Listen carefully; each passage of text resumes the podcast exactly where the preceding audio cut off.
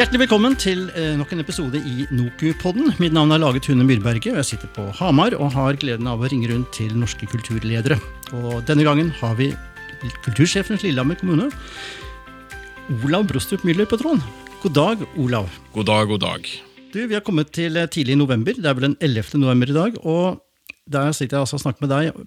Hva i all verden er din bakgrunn? Hvem er du? Det korte svaret er at jeg er ikke kommunal. Og Det tror jeg kanskje var et pre da de ansatte meg her for tre år siden. Jeg kom fra journalistikken og forlagsbransjen. Uh, har brukt hele mitt yrkesliv i uh, både radioredaksjoner og avisredaksjoner. Uh, har jobba veldig mye med samfunnsstoff. Jobba veldig mye med feature, eh, med portretter, eh, med større bakgrunnsartikler, og så har jeg jobba mye med kulturjournalistikk. Så det var liksom bakgrunnen min. Um, ingen egentlig ledelseserfaring, men mer en sånn type idéfyr, egentlig. En som kan inspirere? Det er jo eh, litt av jobben her. Å prøve å få eh, det som nå er fire avdelinger, eh, til å mm, bli enda bedre kjent med hverandre. Forstå i enda større grad at de har det samme oppdraget. Men ikke minst å synliggjøre den kompetansen de har, og de verdiene vi har i det som heter tjenesteområdekultur for mm. resten av administrasjonen. Jeg tror veldig mange av de andre som sitter på rådhuset, som sitter rundt omkring på vann og avløp eller vei og trafikk, jeg tror de har det samme synet på kultur som, som folk rundt oss i samfunnet. At det er noe man nikker anerkjennende til, noe man er enige om at sikkert er veldig lurt og bra. Det har en sånn verdighet ved seg. Mm. Men de kan ikke svare spesielt godt på hvorfor en kommune som vår bør bruke 35 millioner kroner i året på kultur. Da er det min jobb å sørge for at eh, de kjenner litt bedre til det vi driver med, og det vi kan tilby. Du, Som journalist så har vel du et uh, forløst gen i forhold til nysgjerrighet, vil jeg tro? Det hjelper jo alltid, det.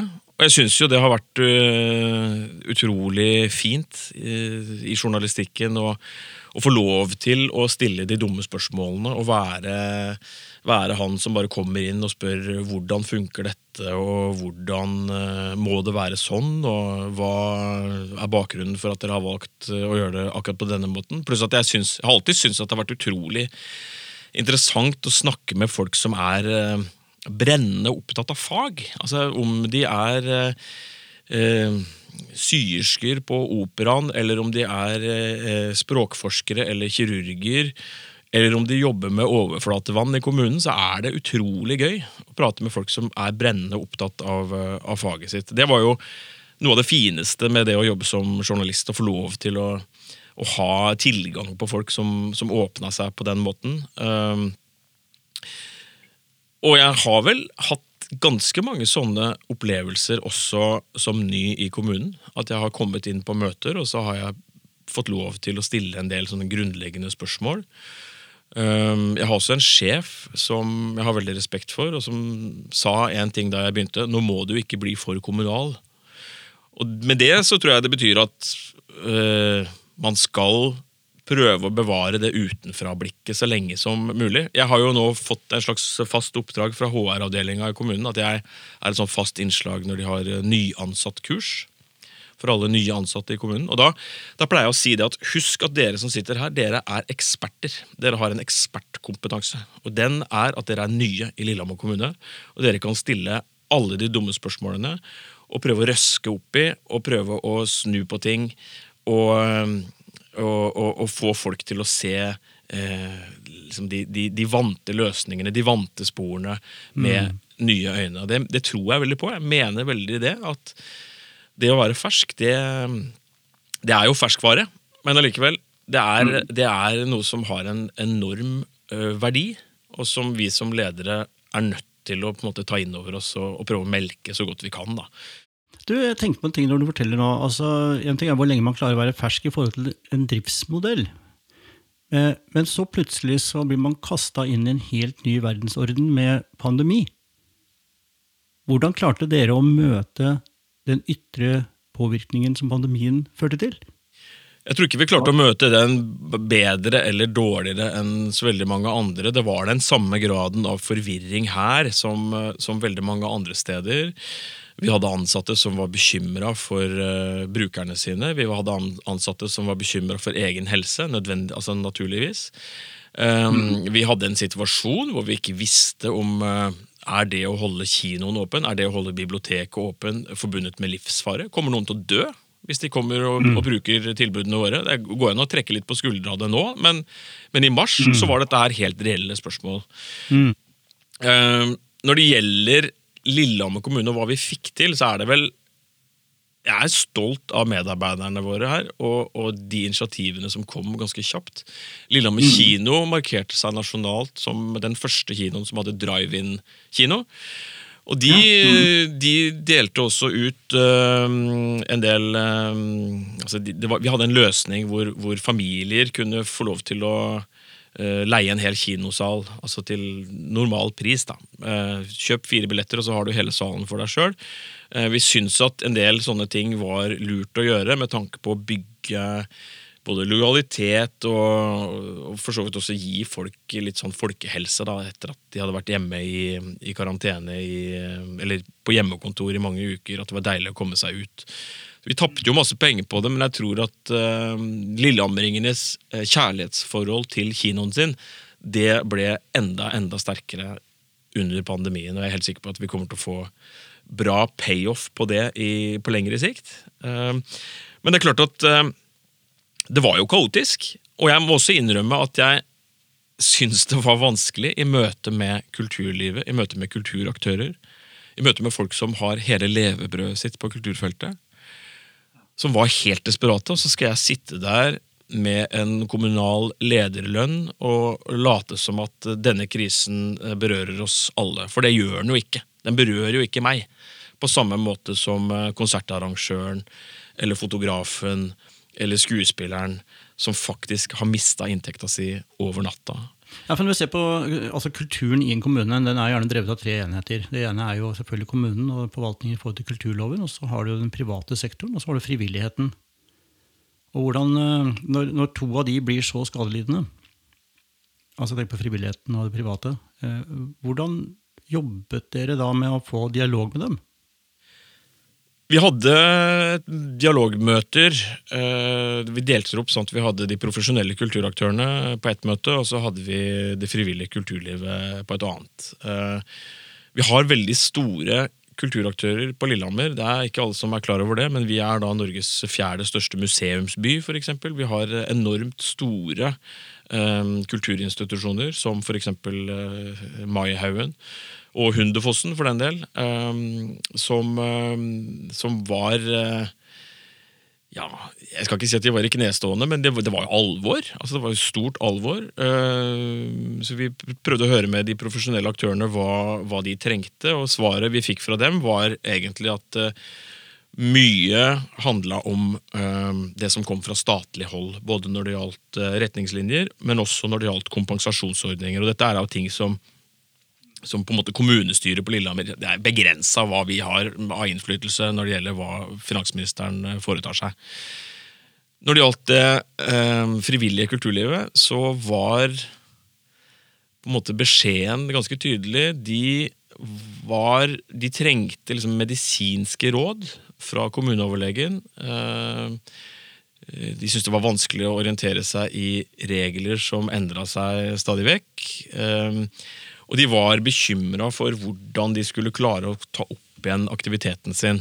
Eh, hva dette ville føre til når det gjaldt tap av medlemmer, tap av aktivitet, eh, nyrekruttering. Altså situasjonen etter koronaen. Og Vi er jo ikke der ennå, så vi veit jo ingenting om det foreløpig heller.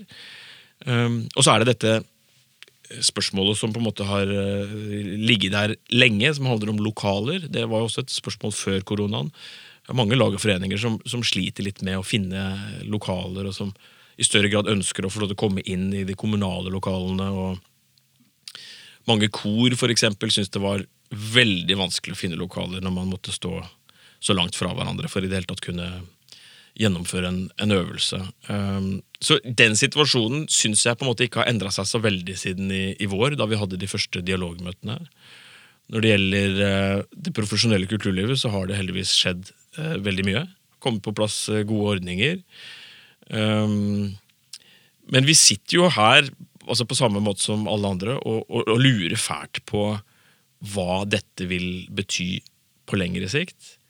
Og det er ett område som jeg mener er fullstendig undervurdert som kulturarena, som vi nesten aldri snakker om når det gjelder kulturpolitikk, og som jeg vet at vår kommune i hvert fall omtrent ikke har noe politikk for, og det er utelivsbransjen.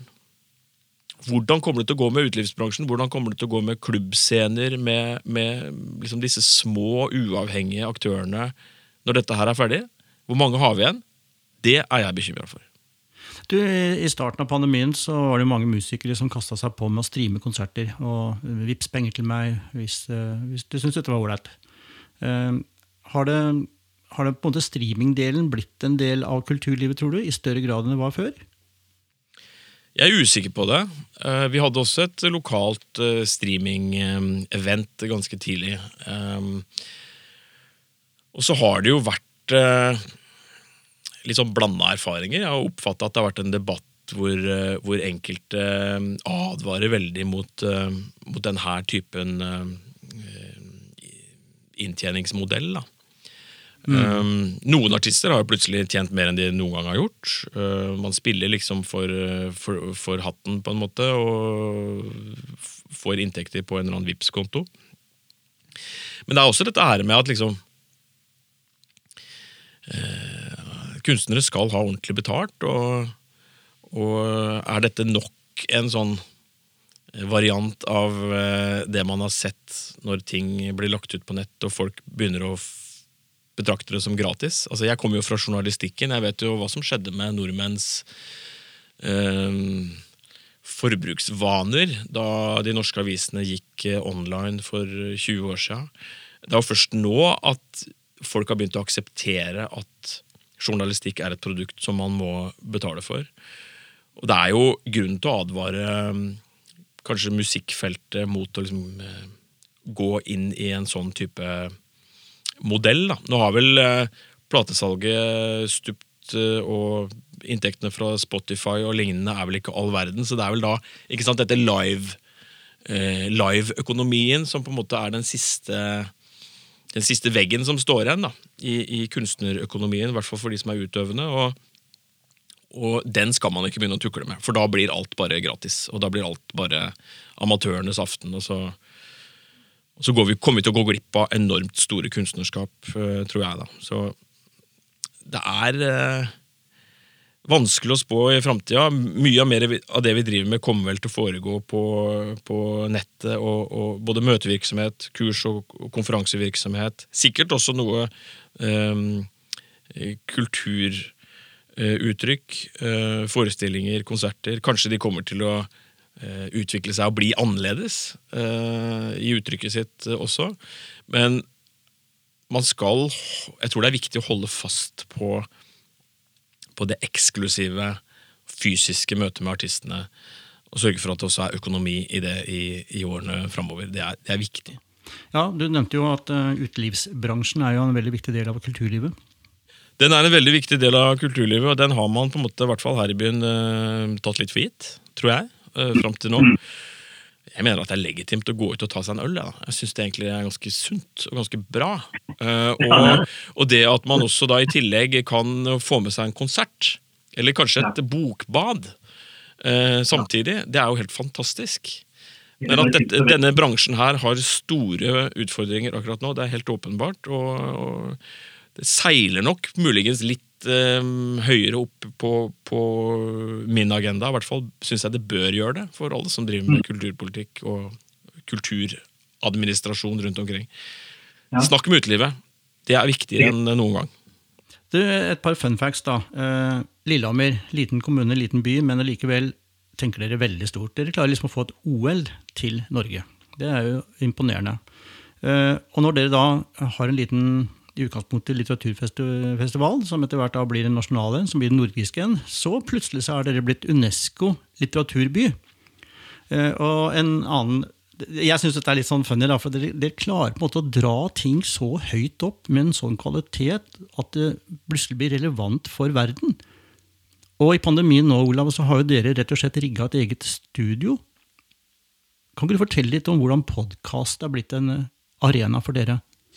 Nei, vi har eh, Jeg snakker til deg nå fra det gamle studio til Radio Lillehammer FM 104,9 i kjelleren på Kulturhuset Banken. Eh, Vi har eh, holdt på med podkast et par år, og det er jo litt pga. min bakgrunn som, som radiojournalist fra NRK P2. Eh, Jeg vil liksom ikke innrømme at jeg egentlig har slutta i NRK, så jeg syns det er veldig morsomt å, å drive med litt sånne ting fortsatt. Men det er jo en veldig fin måte å, å snakke med innbyggere og snakke med folk som bryr seg om byen. Eh, Vi kjørte en serie som het Hvem bygger byen? Det var fordi vi skulle da på Unesco-konferanse i Fabriano i Italia i fjor. Og der var tema for konferansen det var eh, eh, bærekraftige byer. Og da stiller vi rett og slett spørsmålet hva er en by? Hva er en norsk småby i 2020? Eh, hva slags funksjoner skal den ha, bør den ha, for å være interessant?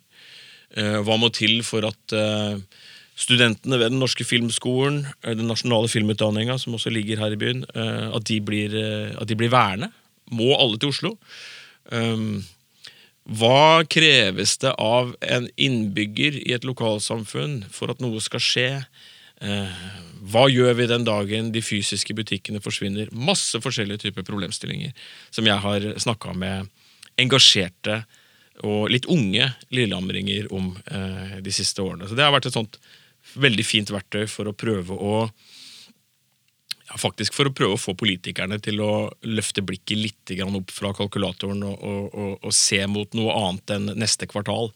Eh, vi er nødt til å begynne å legge noen planer for både 2030 og 2040 og, og tenke litt mer på hva en, en by er, og hva en by som vår bør etterstrebe å bli. Og Det er også derfor vi ble medlem.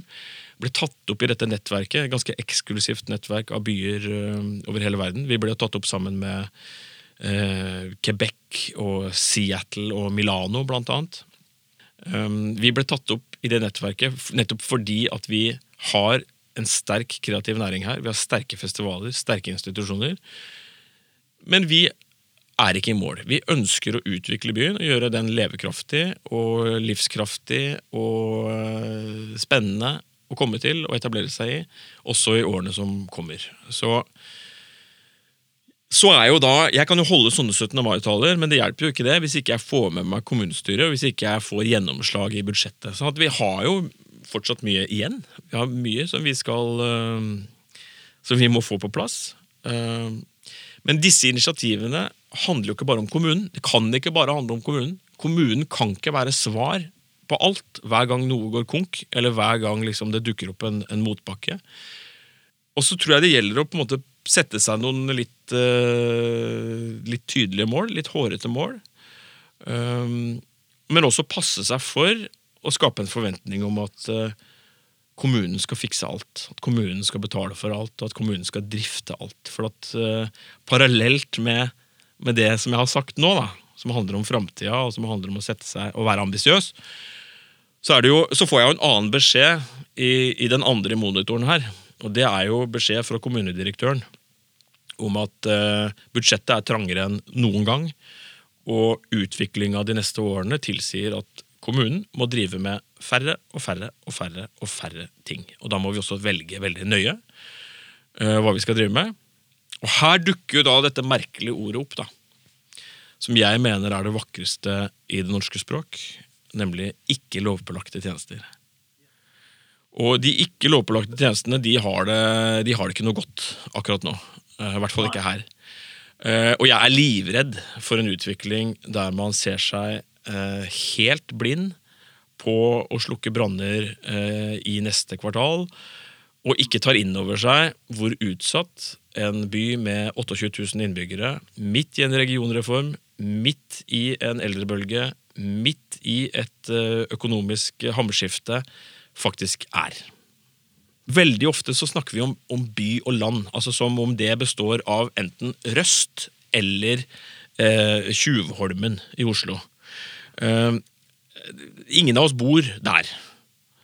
Rent statistisk sett så bor folk i, i Notodden.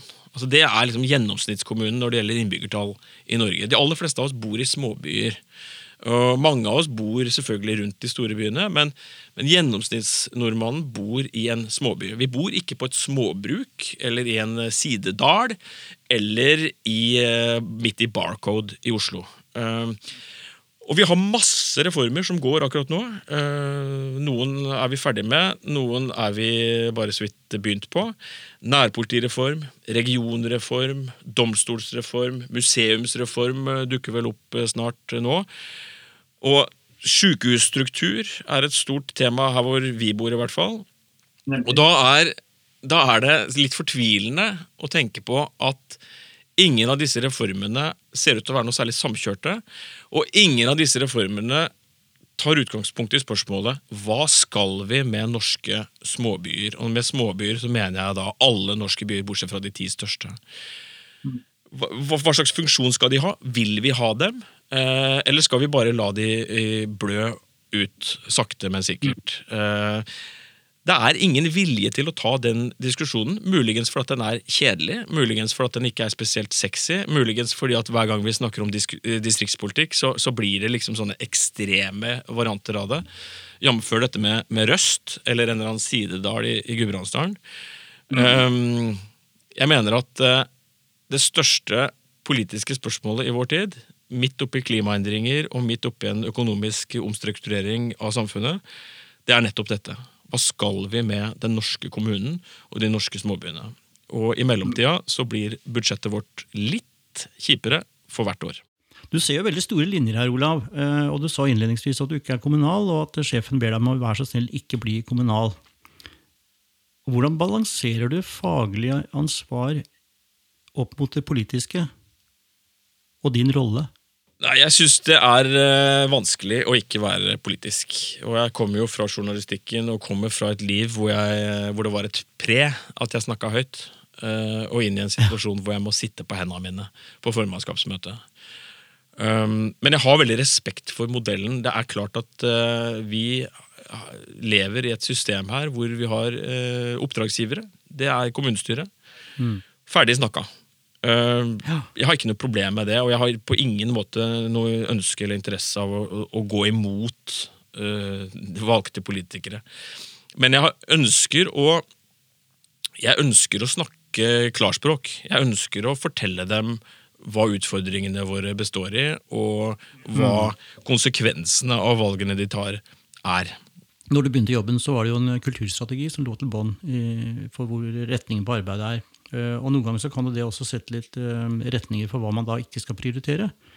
Eh, men det handler vel også om å levere i forhold til hva da politikerne forventer i forhold til det strategiarbeidet som ligger lokalt. Helt åpenbart. Og det første jeg gjorde, var å lese Kulturstrategi for Lillehammer. Og det var veldig nyttig.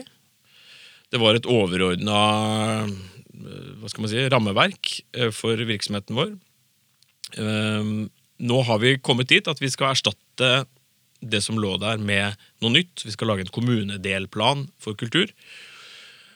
Og da er det min oppgave å sørge for at det ikke bare blir noe som jeg og mine kolleger i tjenesteområdet kultur eh, sitter og fikler med og forholder oss til. Dette her må bety noe, også for eh, de som driver med, med hjemmehjelptjenesten og, og um, helsestasjonen, og, og, de som driver med vei og trafikk. og de som driver med egentlig alt. Nemlig Du ser kultur bredt inn i kommunens virksomhet? Ja. Fordi at det ikke er en sånn uh, liten eh, spesialøvelse for spesielt interesserte. Dette her må jo da, hvis, sånn som jeg ser det, da, gjennomsyre alt vi driver med. Et, mm, et mm. fornuftig syn på, på hvorfor vi, vi, skal ha kultur i en kommune, og hva det representerer. Og Da er vi tilbake til det jeg sa innledningsvis om at jeg tror mange av, av våre kolleger har veldig respekt for oss, men de kan kanskje ikke svare helt godt på hvorfor en kommune som vår skal bruke 35 millioner kroner i året på, på kultur. Og Målet med å lage en kommunedelplan kultur er at alle kan svare godt på det. Kan svare at dette handler om å, å skape fellesskap, skape identitet. Skape arenaer hvor folk kan både få mestring og tilhørighet, eh, og også store opplevelser. Du nevnte jo så vidt også at ensomhet er en del av vår kultur for tiden. Ja, og det er jo noe av det vi jobber mest med her. Dette her eh, eh, litt kanskje vassende begrepet inkludering. Men det handler jo da om eh, å sørge for at alle blir invitert bort til bordet. da. At ingen, ingen blir stående for seg sjøl. At det fins fellesskap som, som, er åpne, og som kan ta imot deg hvis du ønsker det. Og de aller fleste av oss ønsker jo øh, å ha et fellesskap å gå til. Uh, det handler heller ikke om at alle må like det samme eller være opptatt av det samme, men det handler om å, å sørge for at, uh, at alle som bor her, får tydelig beskjed om at de hører til. Og at, de, at det er bruk for dem, Eh, og at de er velkomne, velkomne, at de er en ressurs. Du som kultursjef og dere som organisasjon, hva betyr det å kunne være en del av et nasjonalt nettverk, sånn som det NOKU representerer? Jeg syns det betyr veldig mye. Eh, både fordi at NOKU er, representerer en sånn kompetansebank, liksom, for oss. Jeg kan ta kontakt med NOKU og få, få rapporter, eller få svar, eller få ideer jeg blir, kan bli kobla sammen med andre som, som har testa ut ting før meg. Um, og så syns jeg også at det er bra at vi har et uh, nasjonalt organ som kan synliggjøre verdien av det vi gjør i, overfor uh, stortingspolitikere og sentrale myndigheter. At vi har på en måte en, en interesseorganisasjon som, som, løfter fram alt det gode arbeidet. For det kan fort uh, forsvinne litt i, i, i tospors jernbane og, og eldrebølge og, og, og, det hele tatt store politiske spørsmål som på en måte tar uh, suger opp oksygen før kulturfeltet rekker å gjøre det. Det er veldig bra. Jeg føler at vi er godt representert uh, inn mot uh, nasjonale myndigheter og mot departementet. Og, mm. og jeg tror jo også at disse store omstillingene som veldig mange norske kommuner står midt oppi, for å lykkes så tror jeg det er faktisk helt avgjørende å ha en god kulturpolitikk, gode kulturstrategier, ha en idé om hva man vil med biblioteket sitt, f.eks. Ja. Det høres kanskje smått ut, da. Det høres kanskje ut som noe som er eh, noe for spesielt interesserte, men det handler da om limet i samfunnet. Det handler om å få folk til å være til å ha en følelse av tilhørighet og fellesskap og identitet. Og i et samfunn og en tid hvor vi er mer fragmenterte enn en på lenge, så, så, er det helt avgjørende for at lokalsamfunn og byer og kommuner skal kunne lykkes med store omstillinger. Så for meg er NOKU, medlemskapet i NOKU viktig. Både fordi at eh, de snakker på våre vegne inne i Oslo, men også fordi at de, de svarer på mailen når du sender den og spør om hvordan er det man egentlig driver en fritidsklubb i 2020. Har dere noen ideer? Apropos ideer, eh, Olav. Eh, det er så inspirerende å høre på deg prate. Og, jeg sitter bare og tenker, når vi nå går inn for avrunding på denne samtalen her, hvor henter du inspirasjon? Jeg eh, hører veldig mye på podkaster hvis jeg raker eller baker eller vasker opp eller bretter klær, så hører jeg alltid på et eller annet. Mye av det handler om uh, politikk, og mye av det handler om uh, kultur. Uh, men jeg er veldig glad i både historie, kulturhistorie og arkitektur og design, så jeg hører på fryktelig mye forskjellig. Eh, der henter jeg inspirasjon. Ja, hvis, hvis, du kan trekke ut én podkast som uh, du kan anbefale? Jeg ville sjekka ut uh, podkasten Staden. Det er en svensk arkitekturpodkast som handler veldig mye om byutvikling og hvordan byer fungerer. Uh, det er uh, mitt stalltips, tror jeg. Jeg syns den er fryktelig interessant. Og så liker jeg også veldig godt å høre litt på, på ting som på en måte ligger liksom litt i utkanten av feltet, men som allikevel kan være relevant. Eh, jeg hører veldig lite på sånn ledelsesgreier, det må jeg innrømme. Jeg veit at det fins. At det fins sånn lederpod og det ene med det andre. Det, ja. det får jeg ikke helt fot for. altså. Jeg skjønner ikke hvorfor, men det får jeg ikke helt fot for. Jeg syns det blir litt flatt ofte. Ja. Hva med YouTube? Nå er vi veldig off topic, men, men jeg vil anbefale alle å, å sjekke ut uh, jeg tror det var i en og en halv time, en debatt mellom Boris Johnson, som nå er da statsminister i Storbritannia, og Mary Beard, ja. som er en eh, professor på et av de store universitetene i, i Storbritannia. Hvor de ja. diskuterer en og en halv time om hva som var best, grekerne eller romerne. Et sånn Oi, ja. fantastisk eksempel på, på britisk debattkultur. Eh, det å klare å eh, Altså, det er, det er, det er liksom den, den britiske akademiske klassisismen på sitt aller ypperste, med en sånn enorm veltalenhet og, og en fantastisk framføring av eh, diskusjoner. Nei, og av, av argumenter. Ja. Og for alle som egentlig har lyst til å se hvem Boris Johnson egentlig er, og hva han kunne ha blitt, han kunne blitt en helt fantastisk professor i historie, så vil jeg sjekke ut det klippet. Du, Olav, Det var kjempehyggelig å få denne praten her med deg. Det er veldig inspirerende. og Vi legger linker til eh, både podkaster og YouTube-klipp som du nevner her, eh, under i kommentarfeltet på denne podkasten. Og så takker vi så mye for eh, din tid til å dele av dine refleksjoner og tanker rundt kultursjefvirksomheten i disse tøffe tider. Takk til deg. Sjøl takk. Du har hørt en episode fra Nokupodden. Den er produsert for Norsk kulturforum, som er interesse- og kompetanseorganisasjon for kultursektoren i kommuner og fylkeskommuner over hele landet. NOKU handler om å samle og dele kunnskap og erfaringer for å styrke den lokale kultursektoren. Vi brenner for aktivt og engasjerende kunst- og kulturliv som skaper gode lokalsamfunn og gir mennesker økt livskvalitet. Vi håper du likte episoden, og at du finner mer interessant i andre episoder som vi også har liggende på våre kanaler. Produksjonen er gjort av Lage Tune Myrberget for Storyphone, spesialister på digital kultur. Vi høres i neste episode.